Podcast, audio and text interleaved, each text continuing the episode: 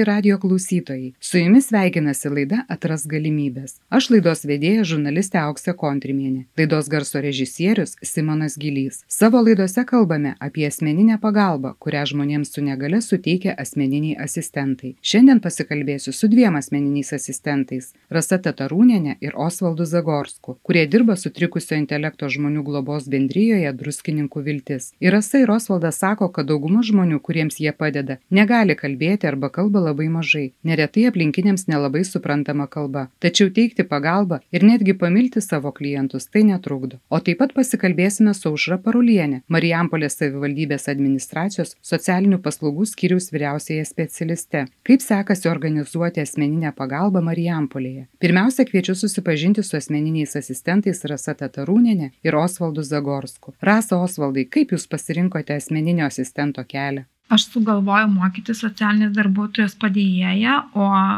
paskambino draugė ir sako, ieško asmeninio asistento. Taip ir papuoliau druskininkų viltį.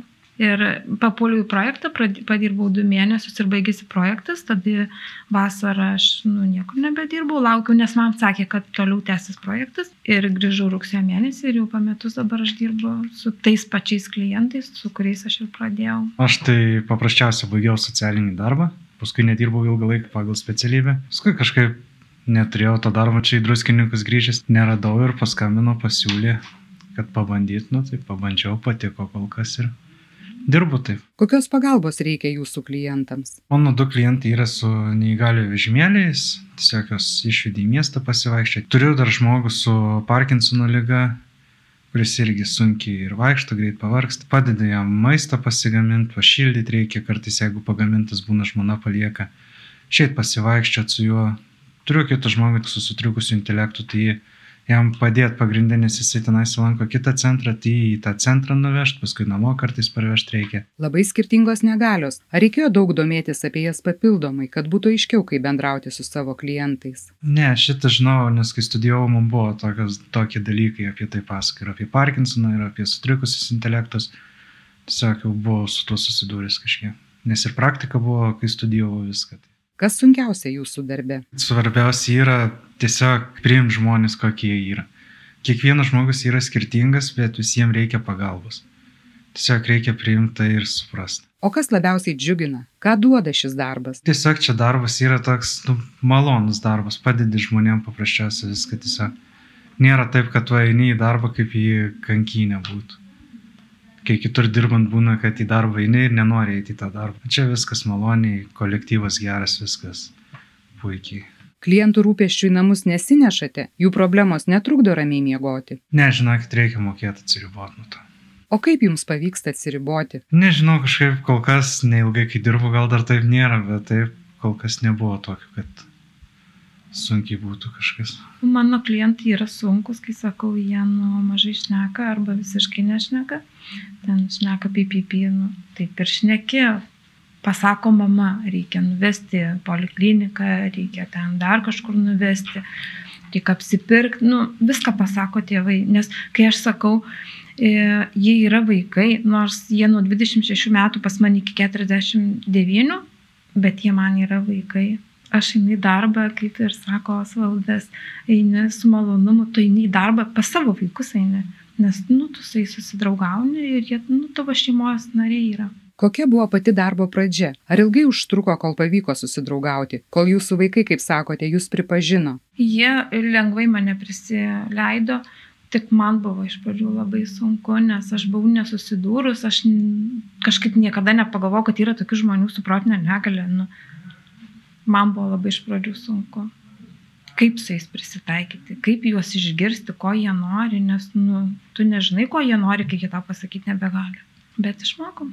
O kaip išmokote, kas padėjo suprasti, ko nori žmogus su negale? Parodo pirštais arba, pavyzdžiui, pasako, tarkim, dabar bus kalėdos ir tu, jisai netgi pyksta, tarkim, kad tu, tu turi atkartoti, tu lygiai tą patį turi pasakyti, nors tu kartais ir nebesupranti, ką jisai pasako, dar klausi, pasakyk, dar kartą pasakyk, kol tu išsiaiškini, ką jis tau nori pasakyti. Na, nu, jeigu truputį ten kalba, nu, nu, nes aš turiu ir kalbančių, kurie, nu, truputėlį kalba.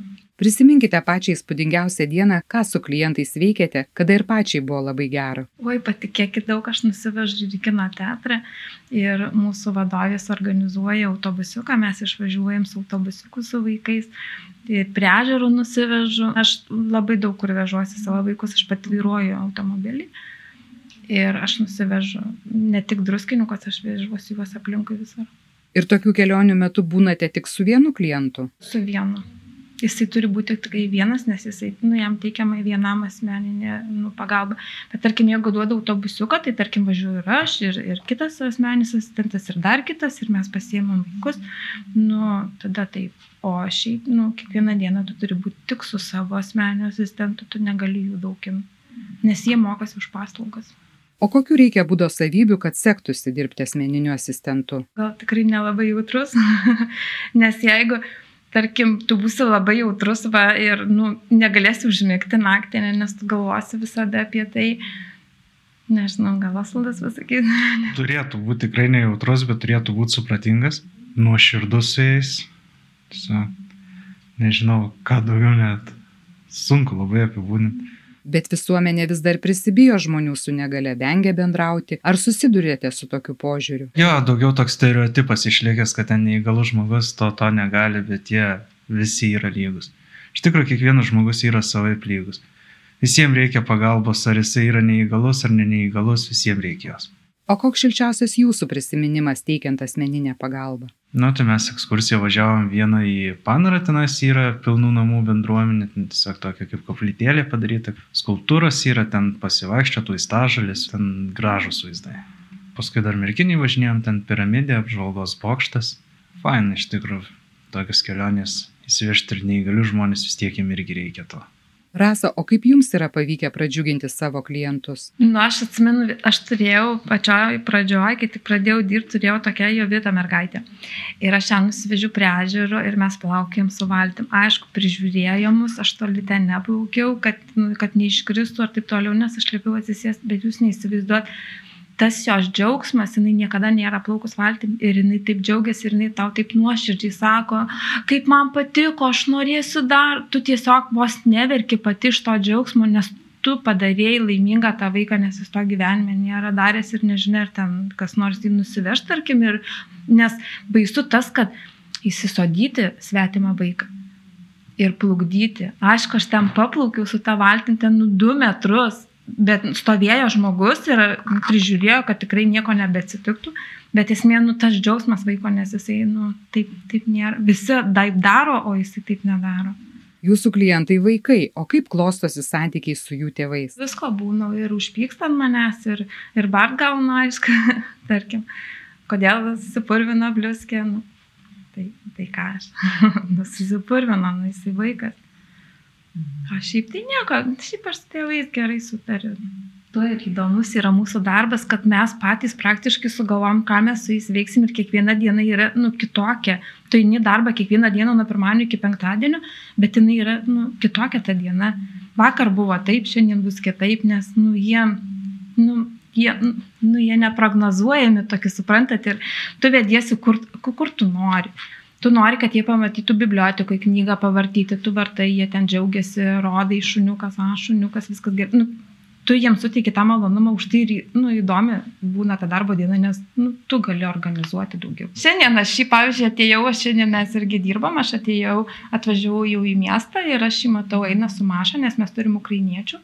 Ir jis eina su maša jau nuo fontano, mes ėjom link fontanų, ten gražu, groja muzika, džiaugiasi, jie šoka. Ir tu džiaugiesi už juos. Kada jie laimingi, mes irgi laimingi. Ką pasakytumėte žmonėms su negale, ar verta kreiptis dėl asmeninės pagalbos? Taip, verta, nereikia tiesiog bijoti, nes yra žmonių, kurie gali padėti jiem. Tikrai nebijoti mūsų įsileisti. Tikrai mes ne kokie baubai, mes norim tik padėti žmonėms. Dėkoju Rasai Rosvaldui. O dabar pasikalbėsime su Aušra Parulienė, Marijampolės savivaldybės administracijos socialinių paslaugų skyriaus vyriausiaja specialiste. Kaip sekasi organizuoti asmeninę pagalbą Marijampolėje? Asmeninę pagalbą Marijampolėje teikia trys įstaigos. Tai yra Marijampolės socialinės pagalbos centras, Vilkaviškių viskupijos karitas ir Marijampolės samariečių bendryje. Kokiuose srityse dažniausiai prireikia pagalbos? Asmeniui kartais reikia padėti nusiprausti, taip pat reikia padėti apsirengti, reikia asmeniui padėti nuvykti į įstaigas kažkokias tai ar tai laisvalaikio praleidimo vietą, galbūt apsipirkti į parduotuvę. Taip pat asmeniu reikia bendravimo paslaugų. Kartais reikia priminti, išgerti vaistus, reikia padėti suorganizuoti laisvalaikį, reikia jam padėti kad jisai tiesiog jaustųsi saugiai, kad jis, na, nenukristų, nesusižeistų. Žodžiu, paslaugų įvairovė yra pakankamai didelė. Nustačius poreikį yra paskaičiuojama, kiek valandų bus teikiama asmeninė pagalba. Taip, kiek, kiek asmenių reikia asmeninės pagalbos. Kiek valandų per dieną ir kiek valandų per savaitę, taip pat per mėnesį. Ir žmogus turi teisę ne tik pasirinkti paslaugos teikėją, bet ir kreiptis su savo asmeniniu asistentu. Asmuo turi teisę pasirinkti e, asmeninės pagalbos teikėją, kuris jam teiks paslaugas. Asmuo turi teisę turėti savo asmeninį asistentą, tačiau yra siūloma, kad asmuo būtų darbinamas per įstaigą, todėl kad yra lengviau suadministruoti asmeninės pagalbos teikimą. Kas vyksta toliau? Seninijos darbuotojas įvertinęs poreikį asmeniniai pagalbai gauti, dokumentus pateikia savivaldybės administracijai. Savivaldybės administracijoje yra priimamas sprendimas asmeniniai pagalbai gauti. Prieš tai įvertinama yra asmens pajamos, e, kiek asmuo gali susimokėti už asmeninę pagalbą. Tada asmeniui yra skambinama, jam yra pranešama, kiek yra skiriama jam valandų, taip pat yra mm, mokėjimo dydis nustatytas pranešamas ir pranešama, kas jam teiks asmeninę pagalbą. Ir tada asmo sutinka su tom sąlygom arba nesutinka. Kartais asmeniui būna per brangu susimokėti už asmeninę pagalbą ir jūs tas asmeninės pagalbos atsisako, nepradėjus jos teikti. Dėl kokių priežasčių žmonės su negale nesinaudoja asmeninę pagalbą? Pagrindinės priežastys galbūt būtų tos, kad e, šiaip Marijampolėje yra teikiama daug ir kitų paslaugų. Ir ne visada asmeniui reikia asmeninės pagalbos. Dažnai reikia ir dienos socialinės globos arba pagalbos į namus paslaugos.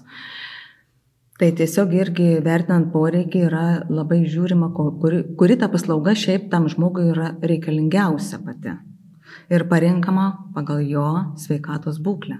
O kokių gražių asmeninės pagalbos pavyzdžių turite Marijampolėje? Marijampolėje mes turi, turim tokią istoriją. Tai yra jauno žmogaus istorija, kad susirgus šiam žmogui mm, tam tikrą lygą, žmogus pradėjo vengti žmonių pradėjo vengti išeiti iš namų ir tiesiog jo tėveliai nebežinojo, kaip padėti savo sūnui ir kur kreiptis dėl pagalbos.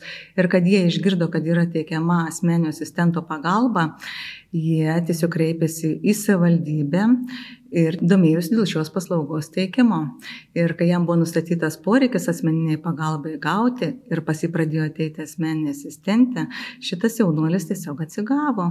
Jisai pradėjo labai džiaugtis tuo, kad, na, jis turi draugę, su kuria gali išeiti į lauką, jis gali pasivaikščioti, mama netgi sako, jis pradėjo išsiplauti galvą prieš išeidamas į lauką ir jisai sako, laukia kiekvieną kartą šitos asmenės asistentės, kuri pabūtų kartu su juo.